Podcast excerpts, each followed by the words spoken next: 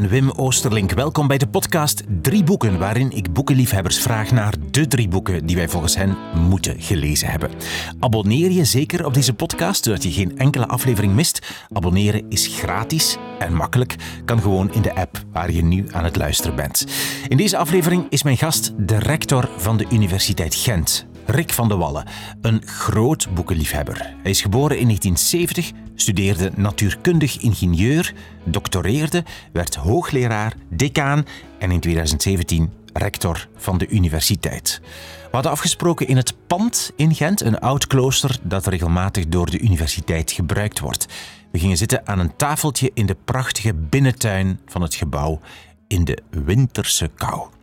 Ons gesprek gaat over zijn ontmoeting met schrijver Ilia Leonard Pfeiffer en wat er uit die ontmoeting voortkwam. Over dat hij een lijstjesman is, ook voor de boeken die hij gelezen heeft. Over schuld, over de Bijbel. En bij zijn laatste boek gaat het over marathonlopen en ook over leiding geven. Alle info, alle details over de drie boeken en de andere boeken en auteurs die we noemen in deze aflevering vind je op de website wimoosterlink.be onder het kopje podcast drie boeken. Veel luisterplezier met de drie boeken die je moet gelezen hebben, volgens Rick van de Wallen.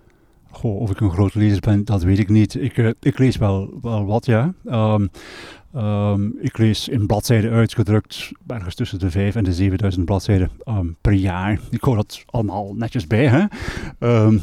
Daar kunnen we het straks misschien nog over hebben, als we het over uh, marathonlopen gaan hebben, ongetwijfeld.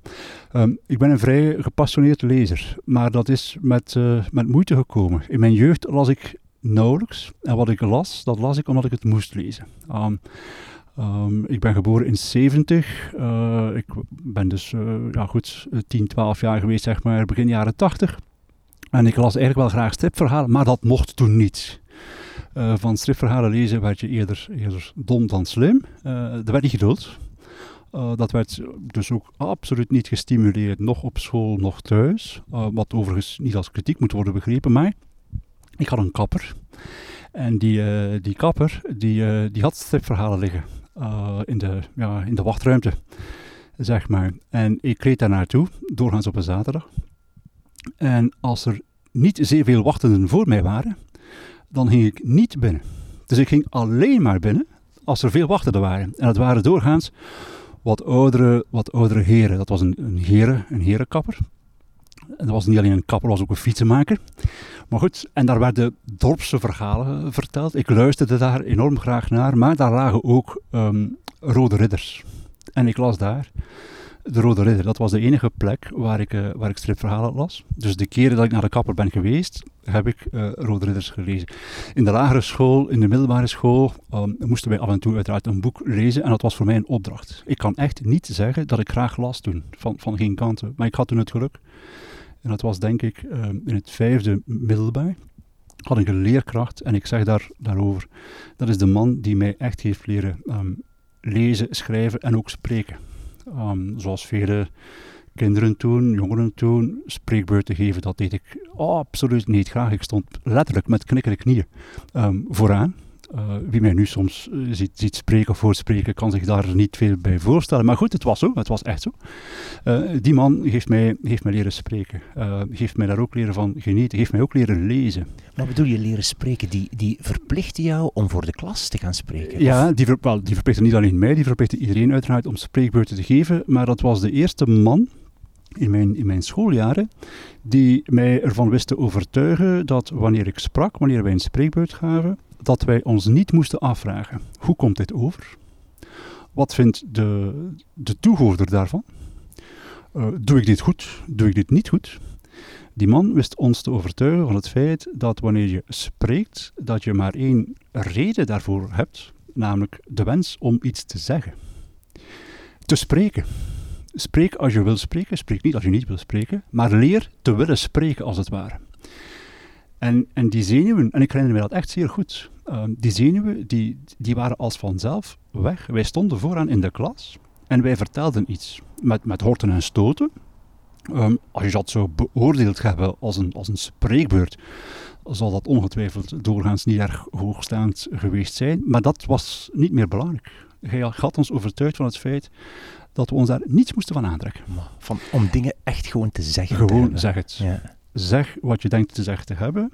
Zeg het op de manier waarop je het wil zeggen. Ehm, probeer een, ehm, een degelijk Nederlands te spreken, maar zit je er soms naast, dan zit je ernaast en dan ga je gewoon door. Dat is ook de man die, ehm, die, eh, die wel belang hechtte aan taal, correctheid van taal, taalnormen, taalvormen, maar die tegelijkertijd zei, kijk eens, wij spreken allemaal een soort verkavelings, een soort verkavelings Nederlands. En jullie doen je best en ik doe ook mijn best. Maar als je goed luistert naar wat ik zeg, dan zal je vaststellen dat ik heel veel fouten maak tegen het Nederlands. Um, dus maak ze ook. Ja. En, en ik, ik vond dat echt revelerend. En ik, ik, uh, ik ben die man echt dankbaar. Um, en, en heeft hij, hij, zei, zei, u begon met te zeggen dat hij ook jou leren lezen ja, heeft. Ja, de man uh, was verantwoordelijk of was minstens uh, medewerker van de uh, stadsbibliotheek in Eeklo. Ik, ging, ik liep school in het college, Sint Vincentius College, toenmalig Sint Vincentius College in Eeklo. En goed, Eeklo had een stadsbibliotheek uiteraard. Hè, en die man, die man was daar ofwel verantwoordelijk voor, ofwel minstens een medewerker binnen die bibliotheek. En hij is ook de man die, die mij naar de bibliotheek gebracht heeft. Um, en die mij, die mij heeft leren uh, boeken kiezen, die mij heeft leren uh, grasduinen in boeken. dus niet naar een bibliotheek gaan om een bepaald boek te vinden en dan ontgoocheld te zijn als het er niet is, maar gewoon naar een, naar een bibliotheek te gaan om te kijken wat daar staat en boeken vast te pakken en terug te zetten en, en, en, en terug te keren op je stappen. Echt zo het, het, het, het principe van bijna meanderen tussen de boeken, tussen de boekenkasten en tussen, tussen de boeken. En je neemt een boek, waarom weet je niet goed, hè? Je, je bent aangetrokken door de kleur van de kaft of door de titel of, of door om het even wat. Uh, of gewoon door toeval omdat je oog erop valt. En je neemt een paar boeken mee um, en je leest daarin. En, en dat klinkt nu misschien een beetje raar, hè? Want, want het is allemaal triviaal wat ik vertel, maar een leerkracht hebben die dat eens zegt, die jou eens motiveert om die ervaring te hebben. Um, als je die ervaring nog niet hebt gehad, is cruciaal. En ik ben daar die man, echt waar, ik ben daar die man heel erg, heel erg dankbaar voor. Uh, maar dat was dus eigenlijk voor jou, als ik het goed begrijp, een, een tussenstap. Zo. De tussenstap ja. tussen echt niet willen lezen of enkel strips, of dat niet leuk vinden, en het echte lezen dan. Ja, wat ik wel toen al las, uh, en dat was denk ik vanaf mijn, mijn ja, 16, 17 jaar of zo. Ik las wel um, teksten, boeken ook soms, die te maken hadden met, met politiek. Ik was heel erg geïnteresseerd in, in politiek en dan in het bijzonder in, het, ja, in debatteren. En wat is dat eigenlijk, debatteren? En hoe, hoe oud was je toen? 15, 16, 17 jaar. Ja. ja latere jaren middelbare school, zeg maar. Ik heb bijvoorbeeld uh, boeken gelezen over de staatshervormingen. In mijn jeugd, dat was de tijd van de vele, vele regeringen Martens. Het was ook de tijd van de, van de kwestie voeren, hè. Uh, de staatshervormingen. Um, goed, je kan je moeilijk iets saaier voorstellen voor een 16-jarige dan uh, staatshervormingen. Wel, ik heb dat gelezen. Uh, en ik durf eigenlijk ook wel te zeggen dat ik die onder de knie had. Ik verstond dat. Ik, ik, er was niemand in de, in de school of in de klas die, die, die het aantal uh, regeringen uh, kon zeggen, laat staan namen van ministers noemen. Ik kon dat toen wel. Ik kon dat, ik kon dat echt. En ik genoot daarvan. En ik, ik, ik bestudeerde dat ook.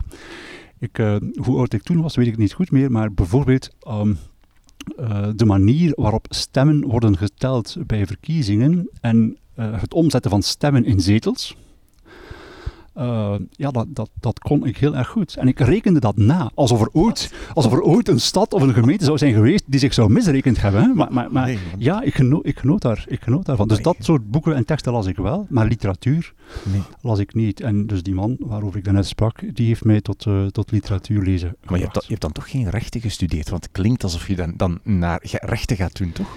Wel, nee, ik heb geen rechten gestudeerd. Uh, onder meer omdat in mijn, in mijn familie was er nu eenmaal niemand die, die met, een juridische, met een juridische achtergrond. Maar het is heel grappig dat je dat zegt, want als ik naar mijn vriendenkring kijk, mijn, mijn dichtste vrienden, daar zijn nogal wat magistraten bij. Ja. Uh, of dat nu een betekenis geeft, dat weet ik niet. Maar, maar, maar ik vind het wel uh, frappant dat, dat jij die opmerking uh, wel, ja, maakt. Als je, als je zo die interesse hebt en blijkbaar dat dan ja. uitstraalt of daarnaar zoekt of zo, is het misschien niet zo vreemd. Ik heb getwijfeld toen ik 18 jaar was en dus een keuze moest, moest maken. Eigenlijk, als ik mijn hart had gevolgd en louter mijn hart had gevolgd, dan was ik, dan was ik muzikant geworden. Ik speelde fluit. Maar ik ben heel blij dat ik dat niet heb, niet heb gedaan, omdat ik zeer goed besef, en ook al besefte, dat ik, uh, ik was een, was een, was een goede amateurfluitist, maar ik was niet goed genoeg geweest om het echt te maken als, als professioneel fluitspeler. en toen bleef een twijfel over tussen wiskunde studeren en, en ingenieur, ingenieurswetenschappen studeren. Als ik toen opnieuw mijn hart had gevolgd en had moeten kiezen tussen die twee, had ik eigenlijk wiskunde gekozen. Maar mijn vader is wiskundige, was bovendien mijn leerkracht in de laatste twee jaren secundair onderwijs wiskunde. Oeh. Ja. Oeh. Ja, ja, ja, ja, dat ging goed, maar, maar, maar goed, het is niet evident. Um, en ik wou niet hetzelfde doen als dat wat mijn vader had gedaan, dus koos ik dan maar de meest wiskundige onder de niet-wiskunde richtingen. En dat was burgerlijke, burgerlijke ingenieur. Ja. Ja. Met als gevolg dat we hier nu zitten eigenlijk. Ja. We gaan eens naar jouw boeken kijken als het goed is. Ja. Wat is het eerste boek dat jij gekozen hebt? Goh, het eerste um, boek dat ik uh, graag even zou willen bespreken is Jozef en zijn broers. Is, is dat, de, dat is de blauwe kaft daar, Dat hè? is de blauwe kaft. Maar wat dat een- is het wat zeer, zeer, zeer ja. lijvige, lijvige boek. Um, ja, goed, het gaat over een, een Bijbels figuur, hè, Jozef, die de, die de lievelingszoon is van, uh, uh, van zijn vader, van Jacob. Um, het is een Bijbels verhaal, uh, waarvan Goethe al had gezegd uh, dat dat eigenlijk een verhaal uh, is dat dermate veel in zich geeft dat iemand het eens zou moeten uitschrijven. Uh, maar hij heeft het bij mijn weten nooit, nooit gedaan. Maar Thomas Mann heeft het, heeft het wel gedaan. En heeft, er een, heeft het eigenlijk in vier boeken gebundeld. Um, geschreven in de jaren, hoofdzakelijk jaren 30, als ik het mij goed herinner, tussen, ik denk 33 en 43 of iets in die buurt. Enfin, jaren, jaren 30. Uh, gegeven uh, wat er toen aan de hand was um, in Europa, in Duitsland in het bijzonder, een bijzondere tijd. Maar goed, Thomas Mann heeft dat in die tijd uh, geschreven. Als je het verhaal leest in de Bijbel, het komt uit Genesis, Oude Testament uiteraard, dan is dat een vrij, ja goed, een vrij kort, kort verhaal. Hè? Een, een, uurtje lezen en je bent klaar. En dus Mann heeft daar een boek over geschreven dat veel meer dan duizend bladzijden. En hoe heeft hij dat gedaan? Hoe, um, hoe, hoe, hoe, kom je van zo'n kort naar zo'n lang verhaal? Ja, door, door te beschrijven. Het is een, het is een, het is een fenomenaal boek. Um, ik, ik, kan daar zelfs emotioneel van worden als ik niet, als ik niet oplet. Enfin, dat mag gebeuren. Um, het is een fenomenaal boek. Hij beschrijft zeer kleine dingen, um, objecten, mensen, gebeurtenissen, interacties tussen mensen. Um, die beschrijft hij op een op het eerste zicht zeer archaïsche manier. Op een zeer um, uitgesponnen um, manier ook. Maar als je het kan opbrengen, het vergt een beetje inspanning in het begin, maar als je het kan opbrengen om het te lezen en om wat je leest te laten gebeuren, en ik weet dat dit nu zeer, ja, zeer uh, wollig klinkt, maar, maar ik kan het niet beter uitdrukken. Hè. Als, je, als je wat je leest op je laat inwerken en je houdt dat een tijd vol, dan, ja, dan zit je echt in die beschrijvingen. Het boek begint bijvoorbeeld um, met uh, Jozef uh, zit aan de rand van een, van een waterput met um, uh, ontbloot bovenlijf. En zijn vader Jacob ziet Jozef zitten en, en Jozef kijkt naar de, naar de maan, naar de hemel, naar, naar, naar de sterren en naar de maan en zo. En Jozef ziet zijn zoon, Jacob liever, ziet zijn zoon zitten en becommentarieert het zien van zijn zoon die daar zit aan die waterput en die eigenlijk niets meer doet dan naar boven kijken. Dat duurt bladzijden lang. Goed, ik weet niet hoe goed jij schrijft, maar als ik dat zou moeten schrijven, dan ben ik uitgeschreven naar vijf regels. Wel, Thomas Mann slaagt erin om daar bladzijden lang over te schrijven op een manier die, ja, die je gewoon vastneemt. En dat doet hij dat hele boek lang. Het gaat, het gaat over de liefde van, de, van een vader voor zijn kinderen, voor dan één specifieke zoon in het bijzonder. Het gaat over de liefde tussen, tussen broers. Het gaat over nijd en jaloezie tussen uh, broers. Ehm, het gaat over eh, geleid worden, begeleid worden door mensen, door een God. Je hoeft helemaal niet in een godheid te geloven om dit boek te kunnen, te kunnen lezen. Ik, ik ben atheïst, maar dat hindert mij geen zins om dit boek te lezen. Um, het gaat over uh, schuld, het gaat over vroeging, het gaat over uh, proberen goed maken, uh, over uiteengaan, weer samenkomen, over een, een, een, geloof dat het beter zal worden. En wat het dan is en wat beter is, doet er eigenlijk niet veel toe. daarover, daarover gaat het boek.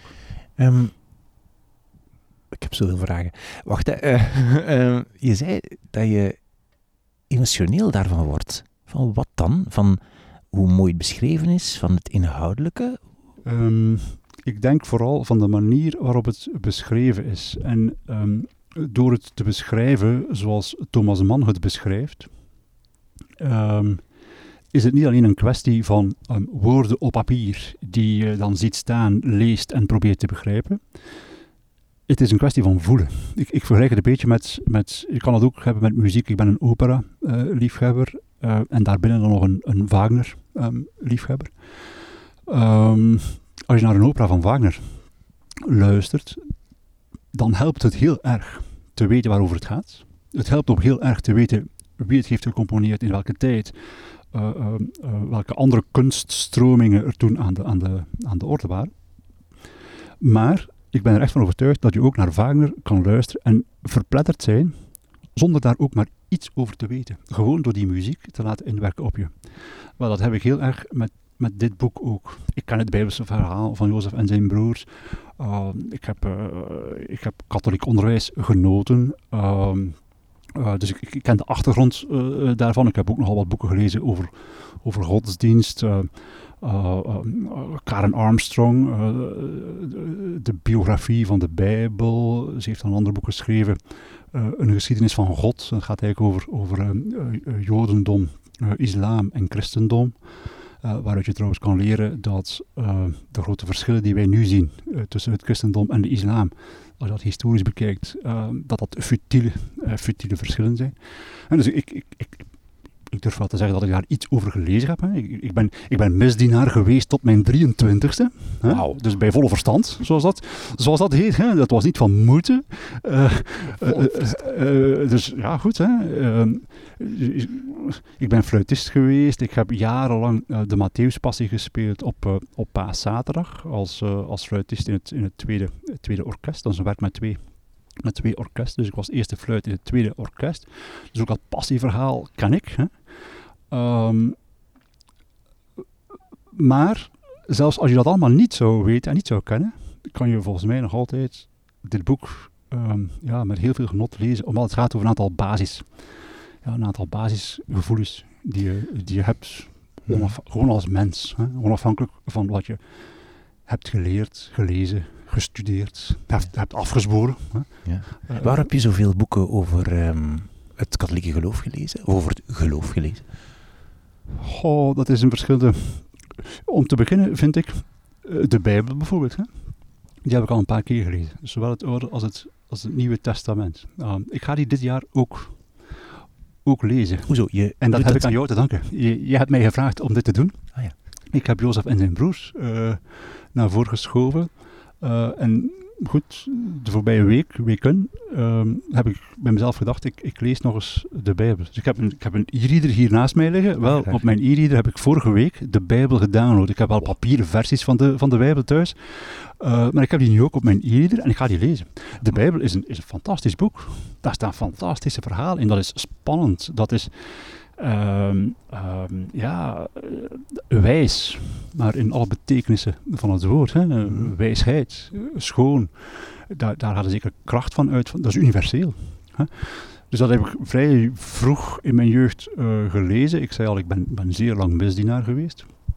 Uh, omdat ik wel wat geïnspireerd was door een aantal, ja, goed, door, door een aantal priesters ook hè, in, mijn, in mijn onmiddellijke um, omgeving. Um, mijn, mijn, op, mijn opvoeding niet zozeer misschien, maar wel mijn scholing. Hè, zal er ook wel wat mee te maken hebben gehad dat ik wat, wat boeken heb gelezen over, over um, religie. Um, dus dat is gaandeweg gekomen. Interesse voor geschiedenis ook. Ehm, ik heb wat boeken gelezen over de, over de Tweede Wereldoorlog, uh, Holocaust en zo. Ian Kershaw, de twee, de twee boeken uh, over het leven van, van Hitler, van, van Kershaw. Uh, ook heel dikke boeken trouwens.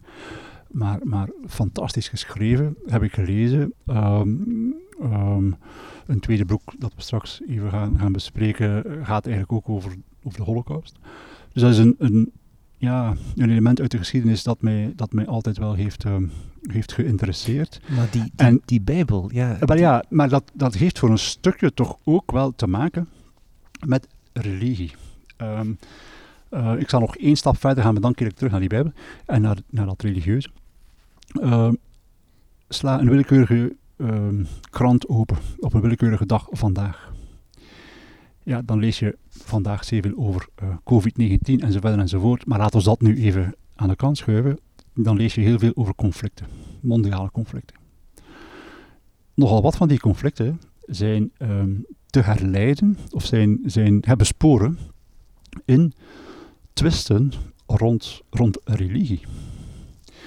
Mijn, mijn punt is een beetje, uh, en ik vind dat al lang, mijn punt is een beetje, als je het nieuws van vandaag uh, echt ten volle wil begrijpen, als je evoluties in de wereld vandaag ten volle wil begrijpen, ja goed, dan moet je terugkeren naar de geschiedenis. En de geschiedenis van godsdienst van, en, van spiritualiteit uh, heeft een enorme impact gehad in de geschiedenis, maar heeft ook een enorme impact van vandaag. Dus een deel van de redenen waarom ik uh, wel graag dat genre boeken lees, is eigenlijk gelegen in het feit dat ik vandaag wil begrijpen wat er vandaag gebeurt. Um, ik, ik, vind dat, ik vind dat belangrijk. Ja. Um, en dus ja goed, ik ben een, ik ben een kind van mijn, van mijn omgeving, van mijn familie, van mijn, van mijn context. Uh, ik ben, ik ben um, uh, naar het vrij onderwijs geweest. Hè. Ik, ik, ik, kom uit een zeer gematigd, zeer gematigd liberaal, uh, religieus liberaal dan, christelijk milieu. Hè. Dat, dat, is, dat is gewoon mijn context. En vanuit die context um, ben ik op een of andere manier toch wel aangetrokken geweest tot, tot het lezen van, van boeken die van ver of van dicht te maken hebben met uh, religie. Ja. Klopt het dat je recent een boek van Rick gelezen hebt? Ja. Ik heb dat gezien, ik ga direct uitleggen waar ik het gezien heb. Ja. Hoe was het? Dat is eigenlijk jouw ex-collega van de concurrentie, laat ons zeggen. Ja, concurrentie. Van de KU Leuven ik, ik, vind, ik, vind, uh, ik ben natuurlijk rector van de Universiteit Gent. Ik sta voor mijn universiteit. Ik zie mijn universiteit graag. Maar uh, concurrentie op Vlaams niveau, als je een beetje hoger niveau bekijkt internationaal, dan stelt die concurrentie op Vlaams niveau niets voor. Ik heb het boek van Rick Tors gelezen. De titel is De Kerk is uh, fantastisch. Um, de titel is een, is een Torfsiaanse titel, er zit een knipoog in, hè? Uh, uiteraard. Maar de man beschrijft eigenlijk in een uh, 8 à 9 hoofdstukken uh, wat hij voelt. En wat, wat hij voelt bij geloof, wat hij voelt bij het instituut kerk vooral. Uh, en wat hij daar, ja, wat hij daar waardevol aan vindt. En dat zal misschien verrassen, maar ik meen het heel oprecht, met heel veel van wat hij schrijft, maar werkelijk met heel veel van wat hij schrijft, ben ik het, ben ik het heel erg eens. Um, hij beschrijft onder andere de functie van een kerk, dus voor een stukje het instituut, maar ook een, het gebouw, een kerkgebouw, als een asiel, als een plek waar je veilig bent. En wat je ook hebt gedaan, zelfs wanneer je een moord zou hebben gepleegd, te weten dat er een plek is waar je veilig bent, waar je niet belaagd wordt. Um, ja, in een eerste reactie kan je misschien denken, dat kan toch niet zijn. Hè? Als, ik iemand, als je iemand vermoord hebt, dan kan jij niet vluchten in een kerk. Ja, daar gaat het natuurlijk niet over. Het gaat erover dat, dat, dat er een, een, een, een plek is, en dat je voor jezelf weet dat er een plek is, en in zijn geval dus een kerk, waar je geborgen bent. Waar je, waar je een moment, een tijd, een plek ook van, van afzondering vindt, waarin je als het ware ja, onaantastbaar bent. Zelfs wanneer je zoiets ergs zou hebben gedaan als mensen vermoord. Ik, uh, ik moet eerlijk zeggen, ik had nog nooit stilgestaan bij, bij, die, bij die gedachte. Ik vind, dat een, ik vind dat een heel mooie gedachte. Die hij beschrijft vanuit zijn gelovig zijn. Die ik nooit zal beschrijven vanuit mijn gelovig zijn, want ik ben niet gelovig. Maar het concept, het idee, er is voor elk van ons wel ergens een plek. Wees het een kerk, wees het iets anders. Waar je geborgen bent. Wat je ook op je kerststok hebt, uh, hebt gegrift. Ja, vind ik, vind, ik heel, vind ik heel mooi. Intussen zijn de klokken in de verte beginnen gaan, ja, terwijl je dit zegt. Ja, ja het, is wel, het is wel symbolisch, ja.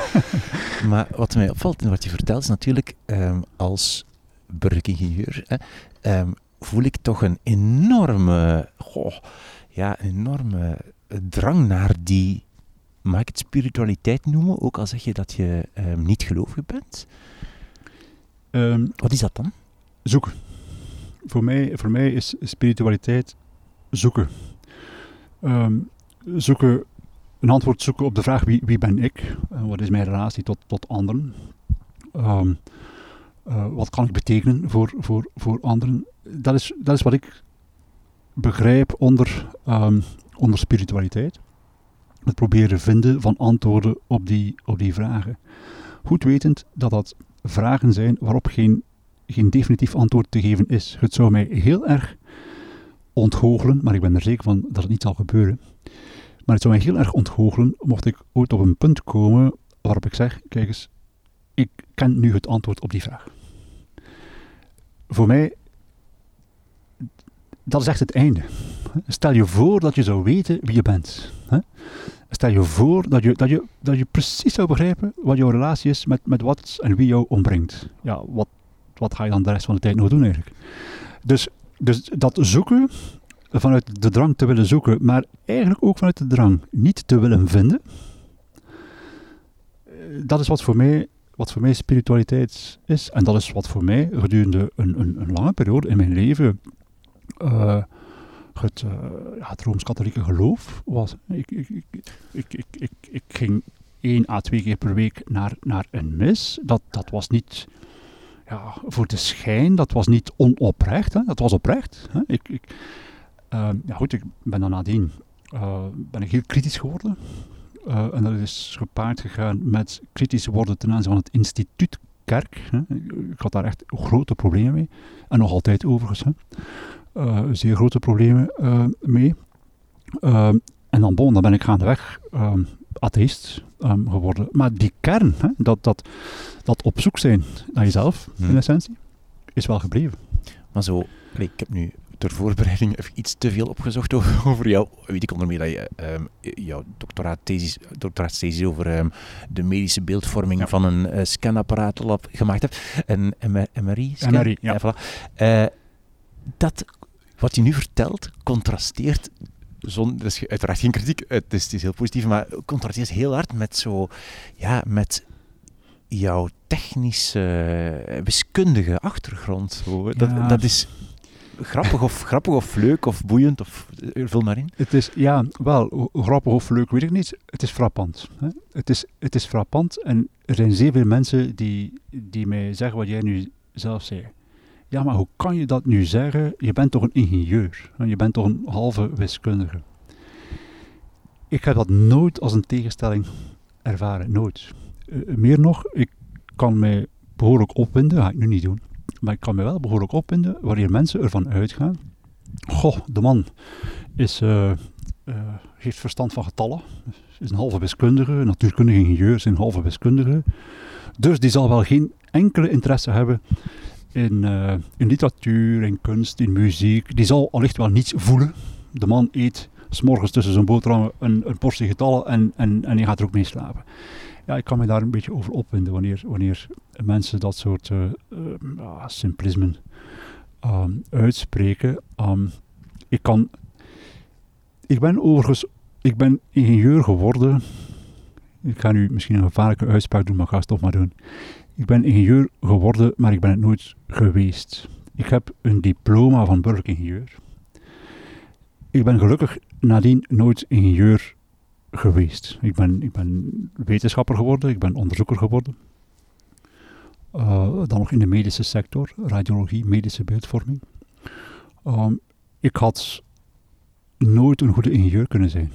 Um, en dan stelt zich de vraag, waarom ben je dan eigenlijk dat diploma uh, gaan, uh, gaan behalen?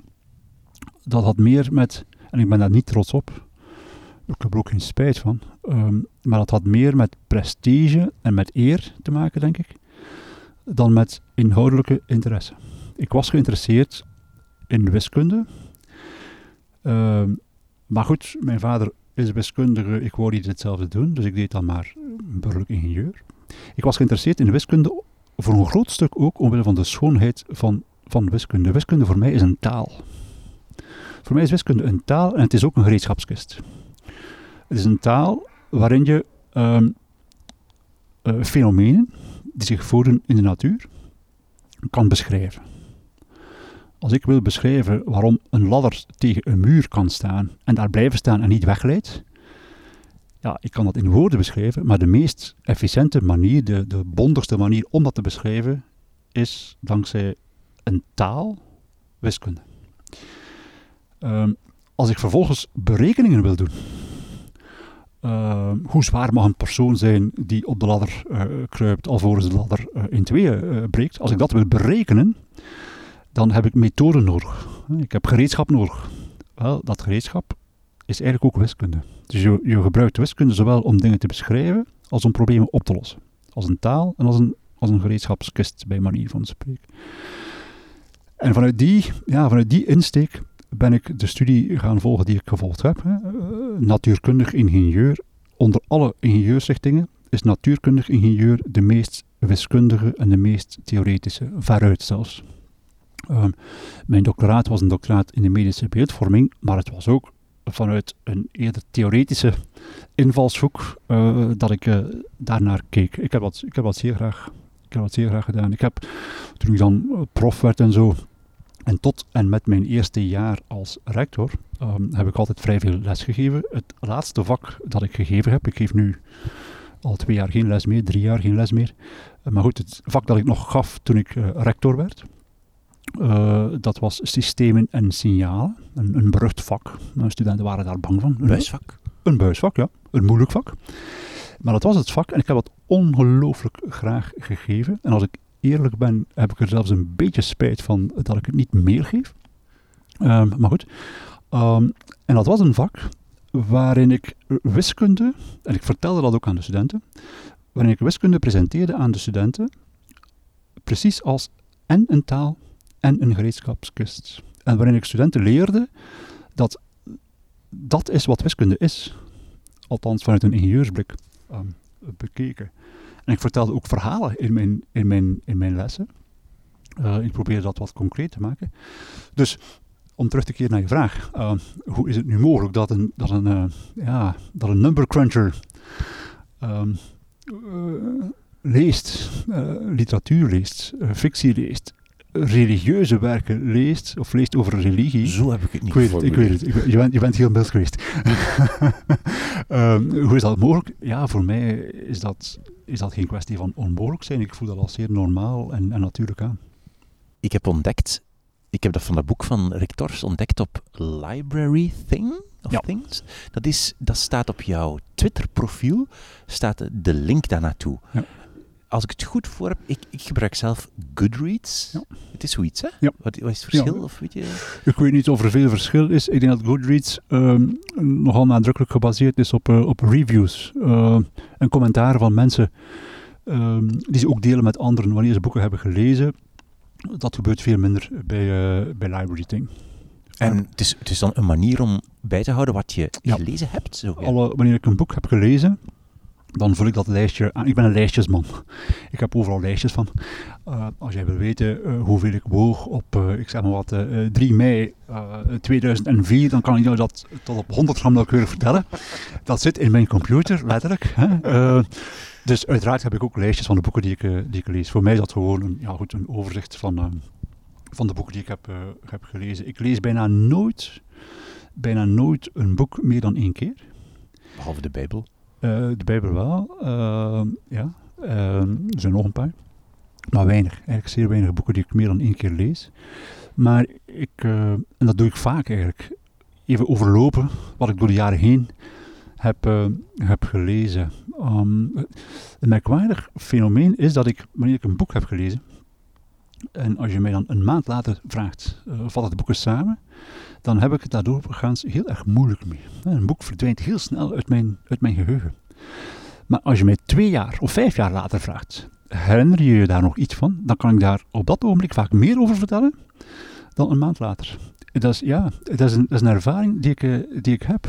Um, en ik, ik hou dat in zekere zin een beetje in stand, denk ik, door af en toe eens door mijn... Uh, ik, heb, ik heb een bestand op mijn, op mijn laptop gaan, boeken.doc, compleet fantasieloos. Boeken.doc, mooi hè? Ja, boeken.doc, compleet en, fantasieloze naam. Ja.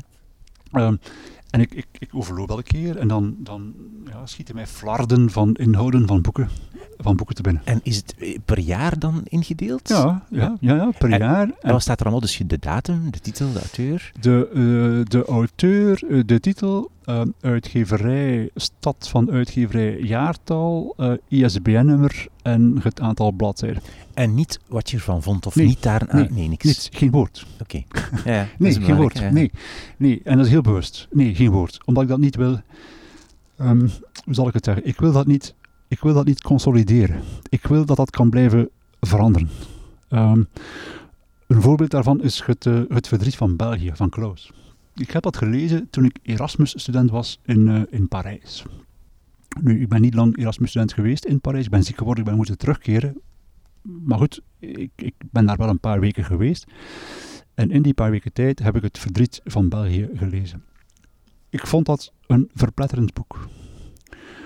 Maar ik moet eerlijk zeggen dat ik dan in het daaraan terugdenken, gedurende eigenlijk vele jaar, heb gevonden, goh, zo goed was dat boek nu ook weer niet. Ik las dan andere beeldingsromans. Ik, le ik lees heel graag beeldingsromans. Ik heb... Uh, uh, De man zonder eigenschappen van Moesil gelezen. Een fantastisch boek. Je, je volgt gedurende 1500 bladzijden een, een, een, figuur, um, Ulrich noemt de man, denk ik. En eigenlijk gebeurt er in dat boek niets. Er gebeurt gewoon niets. Maar het duurt 1500 bladzijden en wanneer je het dichtklapt aan het einde, dan mis je het al. Hè? De Toverberg van Thomas Mann. Uh, dat, soort, uh, dat soort boeken. Dus ik las dat soort boeken en dan vond ik, ja, dat is toch nog een ander niveau dan het verdriet van België um, van Klaus. En ik weet dat ik nu vloek in sommige kerk. Uh, maar ik vond dat gewoon. Maar door ouder te worden, ben ik in mijn gedachten, ik heb het nooit herlezen, maar in mijn gedachten, in mijn herinnering, ben ik het boek gaandeweg weer beter gaan vinden. Vraag mij niet waarom, ik weet het niet. Maar ik, ik heb er nu een, ja, een beter gevoel bij, zeg maar, dan in de eerste jaren nadat ik het heb, heb gelezen. Ik ben wel benieuwd, als je het nu zou herlezen, wel, wat ja, je nu zou vinden. Ik heb al een paar keer overwogen om dat te doen. Die gedachte was nu al een tijd uit mijn, uit mijn hoofd, maar goed, hier nu, hier nu zit ze, komt ze er weer in, in mijn hoofd. Hè? Um, en ik heb altijd gezegd, nee, ik ga dat niet doen. Het zou Uh, toch wel interessant zijn? Ja, het zou niet- zeker interessant zijn. Maar Ja. de vraag is, moet je dingen altijd doen wanneer ze interessant zijn? Je, Ja. Misschien, ja, dat weet ik niet. Ik weet dat niet. Misschien moet je, ehm, ja, moet je, het, moet je het, eh, het onzekere voor een stukje ook, ook koesteren, denk Ja. ik. Ja. Je noemt eh, de Toverberg van Man, je noemt eh, de man zonder eigenschappen. Je, je hebt jouw eerste boek, waar we eigenlijk nog altijd over bezig zijn, ehm, van ehm, Thomas Mann ook. Je noemt de Bijbel, je noemt Verdriet van België. Je houdt van heel dikke boeken. Ja, Toch? maar ook van heel... heel, Oké, het is heel geen- nee, geen- het is geen, nee, het is geen must, nee.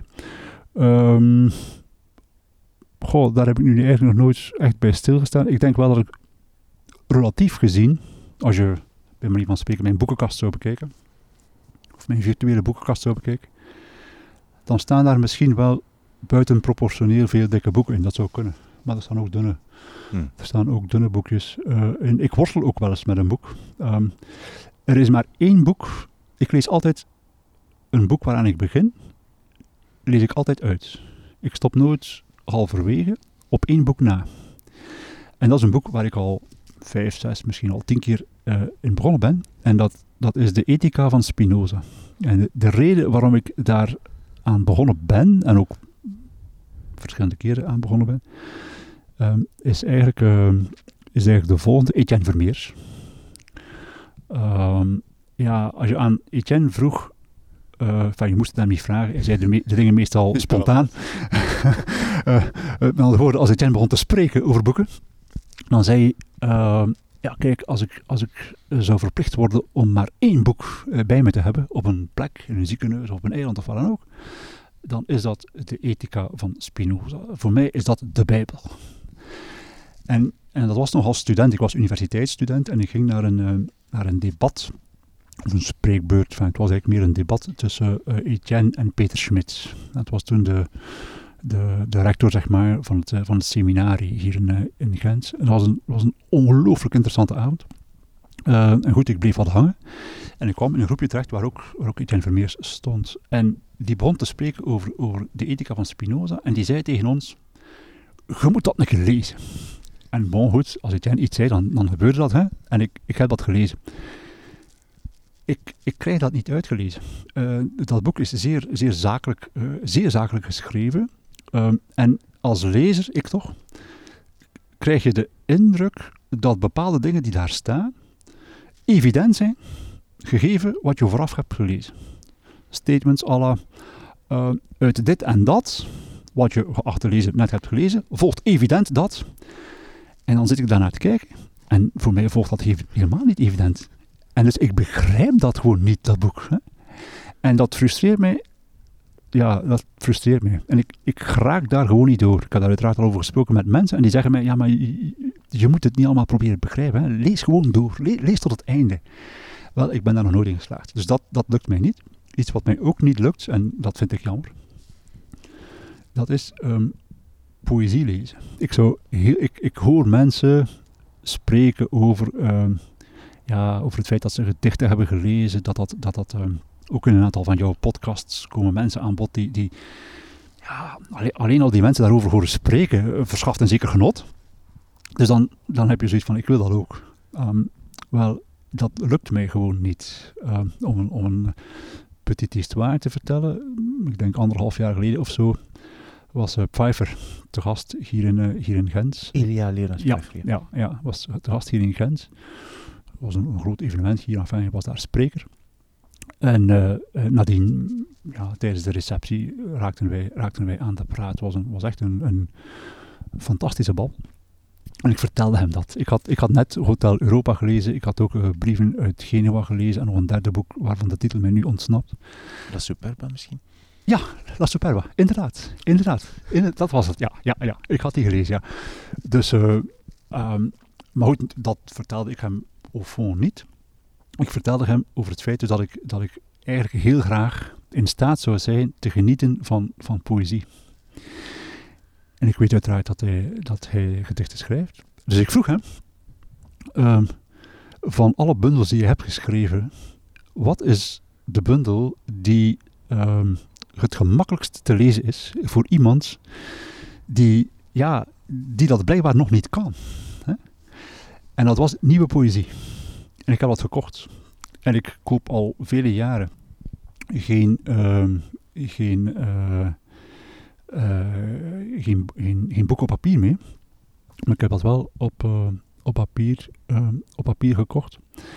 En dat ligt nu al anderhalf jaar of zo op thuis, op onze salontafel. In zo'n zo'n schaal waar fruit hoort in te liggen, maar goed, bij ons liggen daar boeken in. en ik heb dat eigenlijk nog niet open gedaan. Ik heb daar nog, ja, echt waar. Ik heb daar nog niets uit gelezen. Ook weer vanuit een soort, ja, bijna bang zijn. Van, van, ja, als dit nu ook niet lukt, dan gaat het nooit lukken. En ja, voilà. En is dat erg?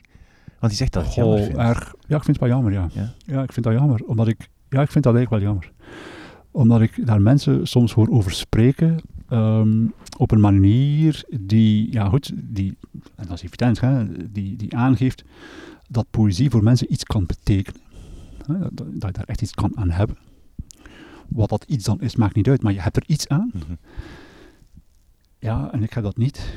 Allee, hopelijk eh, kom je Ilja Leonard Pfeiffer niet ja. opnieuw tegen en zegt hij wat en? Moet je zeggen, ja. Nee. Oké, okay, we moeten dringend naar jouw tweede boek, want we zijn al zo lang over jouw eerste boek bezig. Dus het eerste boek was uh, Thomas Mann. Um, zeg nog eens de titel, alsjeblieft. Jozef en zijn broers. Jozef en zijn broers, ja, inderdaad, ik was even kwijt. Wat is jouw tweede boek? Het uh, tweede boek is een, uh, qua omvang is het andere uh, extreem. Het is een heel klein, klein boekje, kort boekje. The Boy in the Striped Pyjama. Dat is een boek van John Boyne. waarvan ik niets anders heb gelezen dan dit, dan dit ene boekje. Het is een boekje dat mij cadeau is gegeven. ik heb het cadeau gekregen van, van iemand. Dat is echt een voorrecht. Ik moet nooit op zoek gaan naar een nieuw boek. Ik, ik, vind, ik vind dat echt een voorrecht. Hè. Ik, ik word omringd met mensen. Um, soms ken ik ze, soms sturen ze mij gewoon een e-mail, ken ik ze niet. En die zeggen me dan, misschien moet je dit eens lezen. En ik heb dit boek gekregen van, van, uh, van een kennis. En die zei, je moet, dat eens, je moet dat eens lezen. Ik was daardoor verpletterd. En dat is dus een boek dat ik wel uh, al verschillende keren heb uh, gelezen. Ik heb het drie keer gelezen nu. Je hebt, wacht, je hebt het niet bij, je hebt het op de, op de e-reader Ja, ik heb het, ik heb het op mijn e-reader. Ik heb, ik heb geen... Uh, ja, wat, wat voor merk is het trouwens van e-reader? Het is een Kobo. Ah, cool. Een Kobo Aura is het. Ja, ik ben er ongelooflijk tevreden over. Ik wil straks gerust vertellen hoe ik daartoe gekomen ben. Is een verhaal op zich. Ik kan het kort vertellen, wees, gerust. Maar goed, dat boek dus. Ik, ik heb dat boek op papier gekregen, maar ik heb het aan iemand uit, uitgeleend. En ik heb het nog niet, uh, nog niet teruggekregen, uh, dus ik heb het al, al een hele tijd eigenlijk op mijn e-reader um, staan. Um, het gaat over een, uh, over een jongetje, Bruno, die in Berlijn woont, die de zoon is van een, van een, een nazi, een naziman. En die naziman wordt uh, door Hitler wordt naar uh, Auschwitz gebracht om naar het, uh, het concentratiekamp in Auschwitz te gaan leiden. En dat jongetje, Bruno, verhuist dus van Berlijn naar, naar Auschwitz. Auschwitz dat hij niet um, Auschwitz noemt, maar Auschwitz. Um, in, zijn, ja, in zijn negen jaar zijn, in zijn naïviteit, in zijn niet kunnen uitspreken van Auschwitz, maakt hij er Auschwitz van. Uh, de uh, benoemt hij niet als de Führer, ook niet als Hitler, maar de Fury, de Fury. En dat boek is geschreven in een, in een bijna kindertaal. Dus heel gemakkelijk te lezen, heel mees, meeslepend, heel gemakkelijk te lezen. Korte zinnen, bijna staccato, er zit een enorm tempo in dat, in dat boekje. En de essentie van het verhaal is dat die jongen um, ja, ontmoet daar in, in Auschwitz, Auschwitz, ontmoet aan de andere kant van het hekken, ontmoet hij een ook negenjarig jongetje, een Jood, uh, die dan nog toevallig op dezelfde dag is geboren als jijzelf. Uh, Shmuel noemt die, noemt die jongen, heet die jongen. Helemaal aan het eind van het boek, en dat, dat vind ik, ik vind dat een briljant slot, uh, helemaal aan het eind van het boek um, vertelt het Joodse jongetje, Shmuel, aan Bruno, dat zijn papa niet meer te vinden is in het kamp. En Bruno vertelt aan Shmuel dat ze terugkeren naar Berlijn. Dat geen met andere woorden Auschwitz, Auschwitz gaat verlaten. En ze, ze maken een plan. Ze hebben elkaar gedurende vele maanden alleen maar ontmoet met tussen hen een, uh, een hekker. Bruno aan de ene kant en Shmuel aan de andere kant. En ze weten al vele maanden dat er onder door te komen is, letterlijk en figuurlijk. Dus je kan het hekken van onder ja, een beetje optillen, denk ik dan. Hè? En, en, en men kan eronder kruipen als je maar negen jaar bent. Ze doen dat dat hele boek lang niet. Ze spreken er een paar keer over, maar ze doen het niet. En vlak voor de dag, de dag voor Bruno terug zou vertrekken naar zijn initiële thuishaven Berlijn, maken ze een plan voor de laatste dag. Voor de dag nadien. En het plan is, um, ik wil samen met jou spelen. Ik wil eens aan de andere kant uh, zijn. En ik zal ook samen met jou op zoek gaan naar je papa. Maar ik mag niet herkend worden. Dus je moet ervoor zorgen dat ik lijk op jullie. En lijken op jullie, dat betekent een gestreept tenue aan hebben. En een gestreepte pet. Wat hij het hele boek lang omschrijft als een, gestreepte pyjama. Vandaar de titel van het boek natuurlijk. Dus Shmuel um, zorgt ervoor dat er zo'n gestreept pak beschikbaar is voor Bruno. Bruno doet dat gestreepte pak standaardnachts aan, kruipt um, onder het hekken, bevindt zich dan aan de, aan de Joodse kant van het uh, kamp.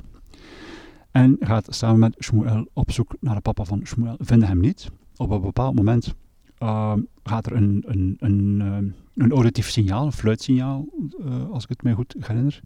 Worden ze ingesloten door soldaten en met, met een aantal andere uh, Joden. Worden ze naar een, een ruimte gebracht. De deur gaat op slot. Het wordt donker. Um, uh, Bruno reikt de hand aan, aan, uh, aan Shmuel. ehm, zegt expliciet, je, je bent mijn beste vriend. En dan staat er niet wat er gebeurt, maar iedereen weet het. Het is een gaskamer en ze sterven. Dat is ongelooflijk krachtig uh, beschreven. Ook het feit dat dan, um, door het, doordat Bruno die, die gestreepte piano heeft aangetrokken, liggen zijn kleren nog bij dat hekken. En dan nadien um, vindt men die kleren en dan goed, ontstaat het besef bij de vader. Mijn zoon is, is gestorven, aan de andere kant geweest en is daar ook nog eens gestorven. Ja, dat is, dat is wat ik daar fenomenaal aan vind, is het, is het verhaal aan zich. Maar ook dat het eigenlijk een kinderboek is. Het is een, fabel, was het ware. Dus eigenlijk is het een fabel. Maar met zo'n um, um, ja, fenomenaal einde, dat die, dat die lichtvoetigheid hè, van, dat, van dat boek krijgt, krijgt, ja, krijgt bijna een, een mokerslag. Hè. En, en als lezer ben je daar, ja, ik kan daar echt over verpletterd worden, weet je. En, en dat is voor mij wat, wat literatuur kan doen. En ik kan daar nu nog uren over praten. Uh, en ik zou dat echt kunnen, ik zal dat niet doen. Um, je kan het maar voelen, denk ik, als je het leest. En als je zegt van, het verpletterde mij, toen ik het las de eerste keer, het verpletterde mij. Wat betekent dat, dat je daar dan, moet je daar dan bij wenen? Moet je daar dan nog weken over nadenken? Uh, ben je daar niet goed van? Wat, wat, doet, wat doet, dat? Oh, ik, ik, uh, ik zou daar zeer gemakkelijk kunnen bij wenen als ik het lees. Uh, gebeurt bijna nooit. Um, misschien bij de gedichten van Pfeiffer. Ja, misschien. ik, zou daar, ik zou daar kunnen bij wenen als ik het lees, maar, maar dat gebeurt bijna nooit. Um, ik zou daar zeer gemakkelijk kunnen bij wenen bij het eraan denken. Maar ik voel het bijna als ja? je erover vertelt. Ja. ja. Ik vind dat ook niet erg. Um, omdat natuurlijk, als je daaraan denkt, weet je, dan, dan, dan denk je er ook de geschiedenis bij. Hè? De realiteit denk je daarbij. Um, ik ben, vorig jaar um, naar, uh, naar München en Berlijn geweest. Vijf dagen München, vijf dagen Berlijn, na elkaar aansluitend. Echt met, met het idee, ik wil nu eens echt gedurende tien dagen zoveel mogelijk um, leren zien, te weten komen over die geschiedenis waarover ik nu toch al zoveel heb gelezen. Het was ook de goede volgorde. Eerst München, dan Berlijn. Ja, ik, ik was daardoor verpletterd, eerlijk gezegd. Ik was al vele keren in München en Berlijn geweest voor, voor meetings en op universiteiten en vergaderingen en congressen enzovoort enzovoort. Maar, maar ik, ik had nooit die steden gezien, weet je. Dat, dat, waren, ja goed, dat waren plekken waar vergaderingen doorgingen. Maar, maar voor de rest, ja... Um, dus ik, ja, ik was daar wel door, door verpletterd. Um, onder andere de, uh, de Wannsee, uh, waar de Wannsee-conferentie heeft, uh, heeft plaatsgevonden in, als ik het me goed herinner, 42 denk ik. Um, waar, uh, waar eigenlijk een zeer klein aantal mensen, een tiental mensen, in een villa. Die villa staat daar nog, je kan die bezoeken, ik heb die bezocht. 10, 15 mensen, nazi, nazi-mannen, daar beslissen over de zogenaamde finale oplossing van het, van het jodenvraagstuk. Het feit dat zij die villa hadden uitgekozen onder meer met uitzicht op de Vanzee. En dan beeld ik mij in om um, nadat ze hadden beslist over, ja, over het ergste wat je kan beslissen, om dan vervolgens op het balkon te gaan en even een uitzicht te hebben op de Vanzee. Wat een, wat een fenomenaal mooi uitzicht is. Dat contrast is gigantisch. Um, als, je, als je die villa uh, nadert, dus heel kort, kort opritje, daar hangen de bladzijden van het verslag van die vergadering. Die heeft maar twee uur geduurd overigens. Hè. Uh, het verslag van die vergadering, dat is maar een paar bladzijden. Dat is maar een tiental bladzijden. Grote kopijen daarvan hangen daar, ja, hangen daar gewoon hè, aan een draad. Dat zien, hè, dat, dat, dat, dat, dat, dat, dat maar een paar papiertjes zijn. Dat dat ook maar een paar uur geduurd heeft om zogezegd het Jodenvraagstuk, het probleem van het Jodenvraagstuk in hun beleving op te lossen.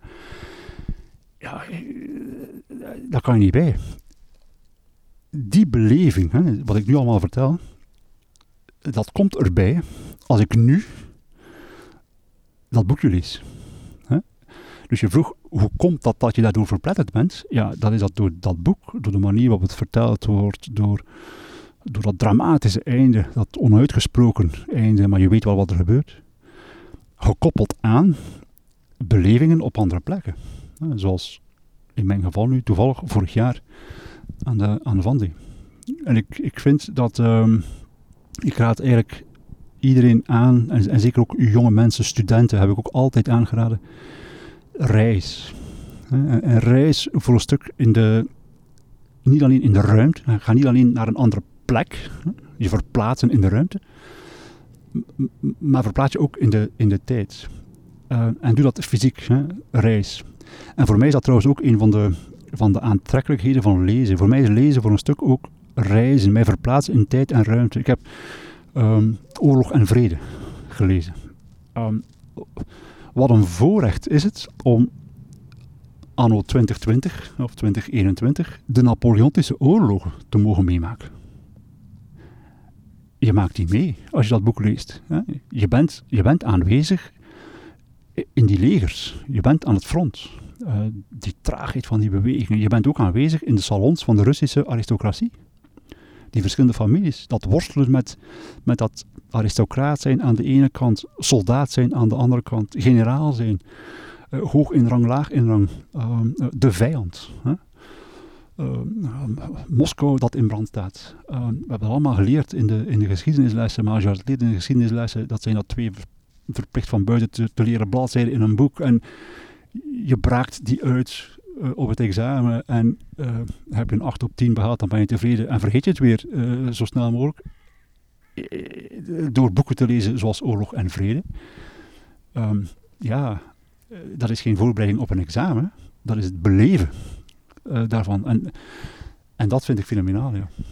En, en, en dat, dat verplettert bij momenten. Ja. Dus veel dank aan de persoon die jou uh, het boek van John Boyne Absoluut. cadeau gedaan heeft. Absoluut, zeer veel dank. Jouw tweede boek, John Boyne, The Boy in the Striped Pyjamas. Wat is jouw derde boek? Het is geen literatuur, hè? Dat, dat derde boek is een boek, uh, het, het heet Advanced uh, Marathoning. Um, Duidelijk geen literatuur. Geen literatuur, helemaal niet. Um, als je mij zou vragen, raad je het mensen aan om te lezen, dan zeg ik uh, met nadruk nee. Heel duidelijk. Hè? Uh, het is alleen geschikt voor, voor marathonlopers. en dan ga je zeggen, ja goed, waarom, waarom, waarom vermeld je dan dit boek nu? Omdat ik echt vind dat dit boek, dit boek vertelt zeer veel over, over mij. Um, het is een boek, ja, het begint met een aantal algemene hoofdstukken over uh, uh, uh, energie, hè, over voeding.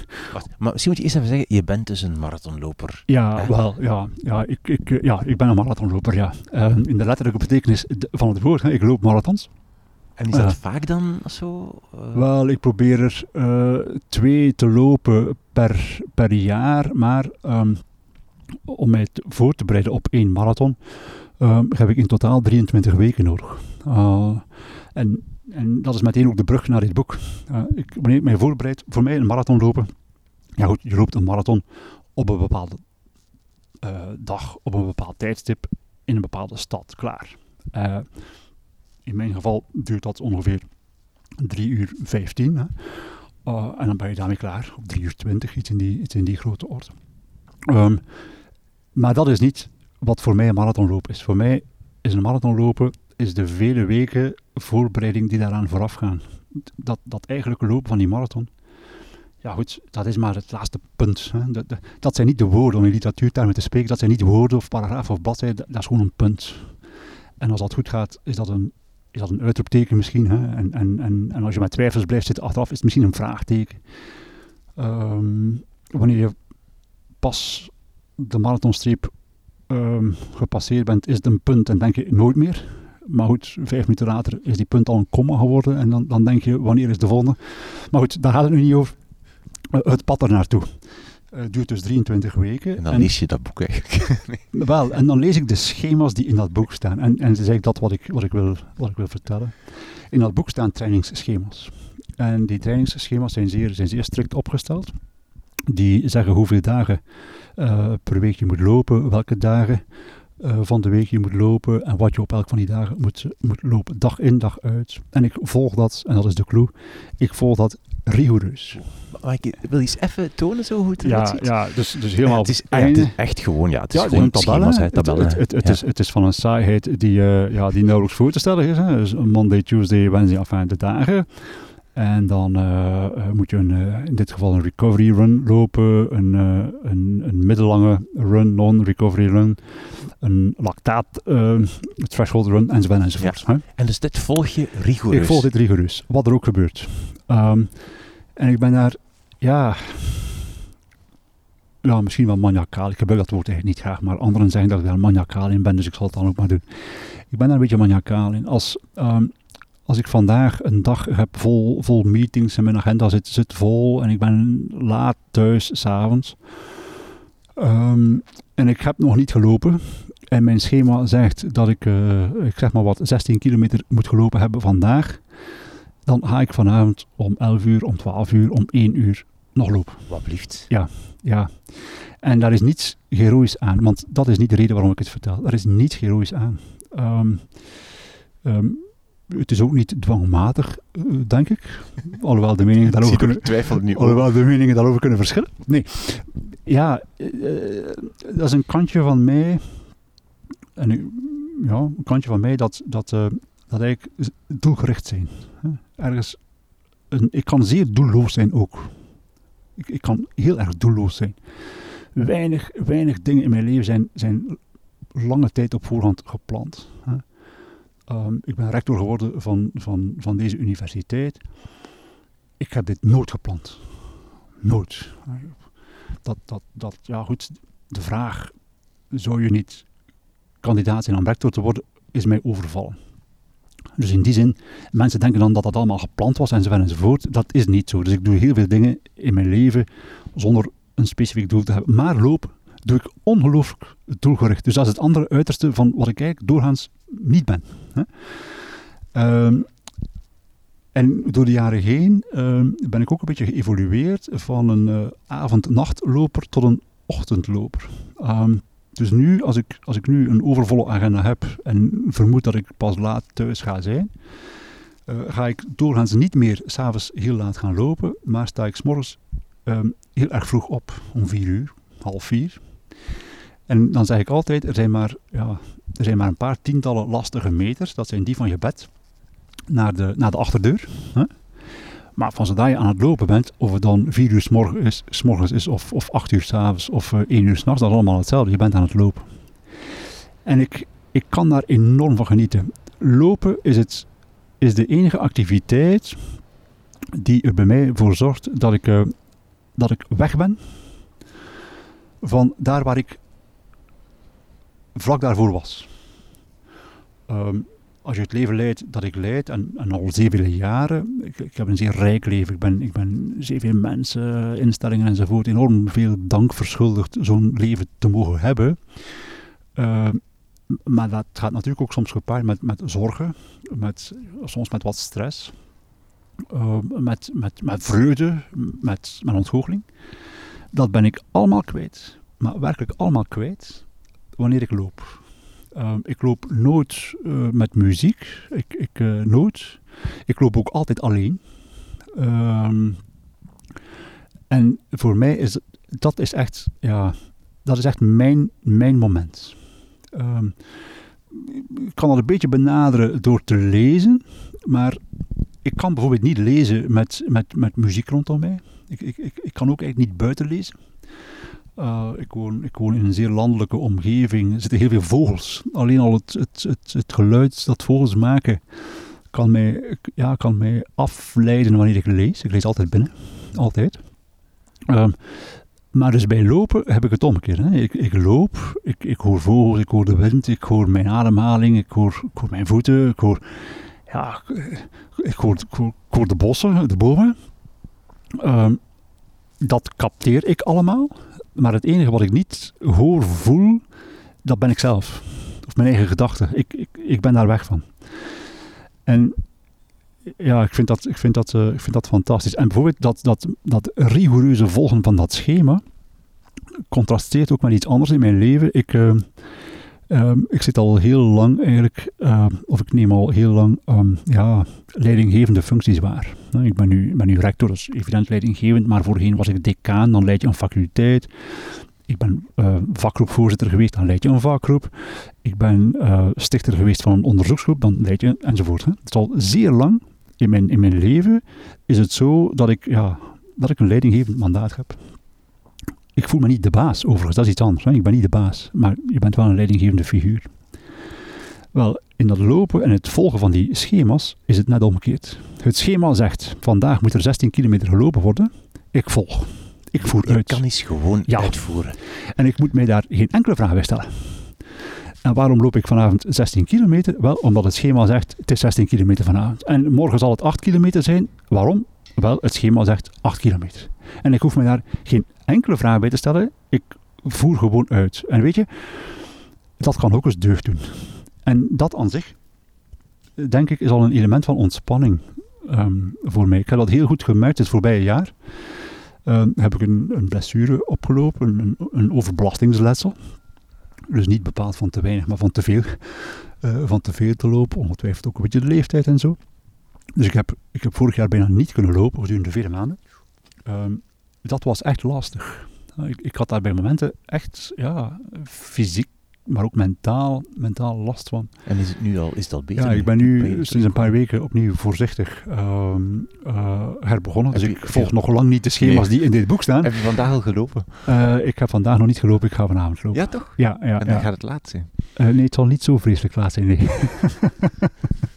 Zal je dan ook niet te lang meer ophouden. maar ik wil nog één ding vragen. Eh, eh, we hebben jouw drie boeken. ehm je horen vertellen over de drie boeken.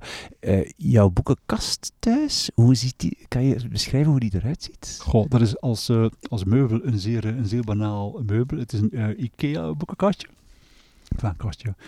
Eh, er staan dus boeken in uiteraard, maar ehm, al, al vrij vele jaren koop ik zelf nooit meer boeken op eh, papier. In die boekenkast staan de boeken waar ik, echt door, eh, ja, waar ik echt door verpletterd ben geworden. De boeken die ik nu heb genoemd staan daar, staan daar allemaal in. Ehm, eh, Louis Paul Boon heb ik ook verschillende boeken van gelezen, enorm van, van, van genoten. Ehm eh, Kapelkensbaan uiteraard, maar Zomer te Termuren, wat, wat veel minder gekend is, en minstens even goed is. Kleine Oorlog en zo. ehm. En staan, staat, staat het in de living, de boeken? Nee, die staan in mijn bureau. Ik, wil die, ik, ik, ik vertoef daar nogal veel in mijn bureau en ik wil die dan daar ook zien. Ik, eh, maar goed, ik ben nu al vele jaren een e-reader eh, boekenlezer. Ehm, eh, mijn vrouw wou een e-reader, omdat wij, eh, wanneer wij op vakantie gaan, dan, eh, dan nam zij altijd een paar boeken mee. Eh, en dat waren doorgaans ook nogal eh, uit de kluiten gewassen boeken. Dus om gewicht te besparen, vond ze, we moeten een e-reader, of ik wil een e-reader. Ik heb toen geargumenteerd eh, dat dat een, dat dat een, een, slecht idee was. Zo'n e-reader, ik was daar echt tegen. Ik zag dat echt niet zitten. Maar goed, eh, we hebben erin gekocht. Ehm, ik heb die geïnstalleerd. Ehm, ik ben daar een paar bladzijden beginnen oplezen. En de e-reader die ik heb, is de e-reader die we destijds gekocht hebben voor mijn vrouw. Ik heb hem nooit meer afgestaan. En we hebben letterlijk, eh, twee dagen later, hebben wij exact dezelfde e-reader gekocht ja, voor mijn vrouw. Dus van groot tegenstander ben ik heel groot voorstander geworden. Er is wel één nadeel, vind ik, aan, aan, eh, aan e-readers. Dat is dat je, en het is een evident nadeel, je hebt de papieren versies niet meer en je kan ze dus ook niet in een kast zetten. En dus wat doe ik? Wanneer ik een boek lees op mijn e-reader, waar ik, waar ik echt van onder de indruk ben, dan koop ik het ook op papier om in mijn kast te kunnen zetten. Maar dat doe ik dan niet open. Hè. Ik koop het, ik doe de verpakking eraf als het in de verpakking zit, maar dat is het dan ook.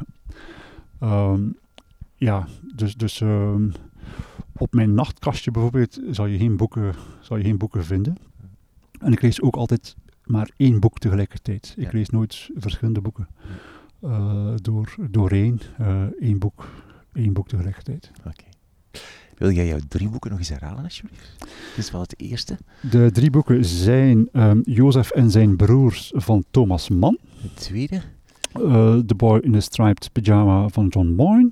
En het derde. En dan Advanced Marathoning van Pete Petzinger en Scott Douglas. Heb je niet vreselijk kou van hier te zitten? Zeg je? Heb je niet vreselijk kou van hier te zitten? Het is een beetje koud, ja, maar het gaat over boeken, dus het is warm, hè.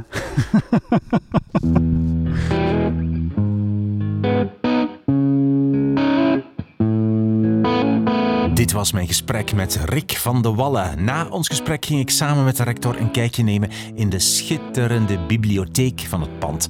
Vol grote kasten met oude boeken, prachtige plek. Foto's van ons beiden, van zijn boekenkast thuis, vind je op de website wimoosterlink.be onder het kopje podcast 3 boeken. Daar staat ook een lange lijst met alle boeken die we noemen in deze aflevering. En uitgebreid de drie boeken die Rick van de Wallen gekozen heeft. Als je luistert via Apple Podcast, kan je sterren geven en commentaar. Dat helpt om de podcast te verspreiden, dus dankjewel om dat te doen. En zoals in elke aflevering vraag ik, wil je eens nadenken?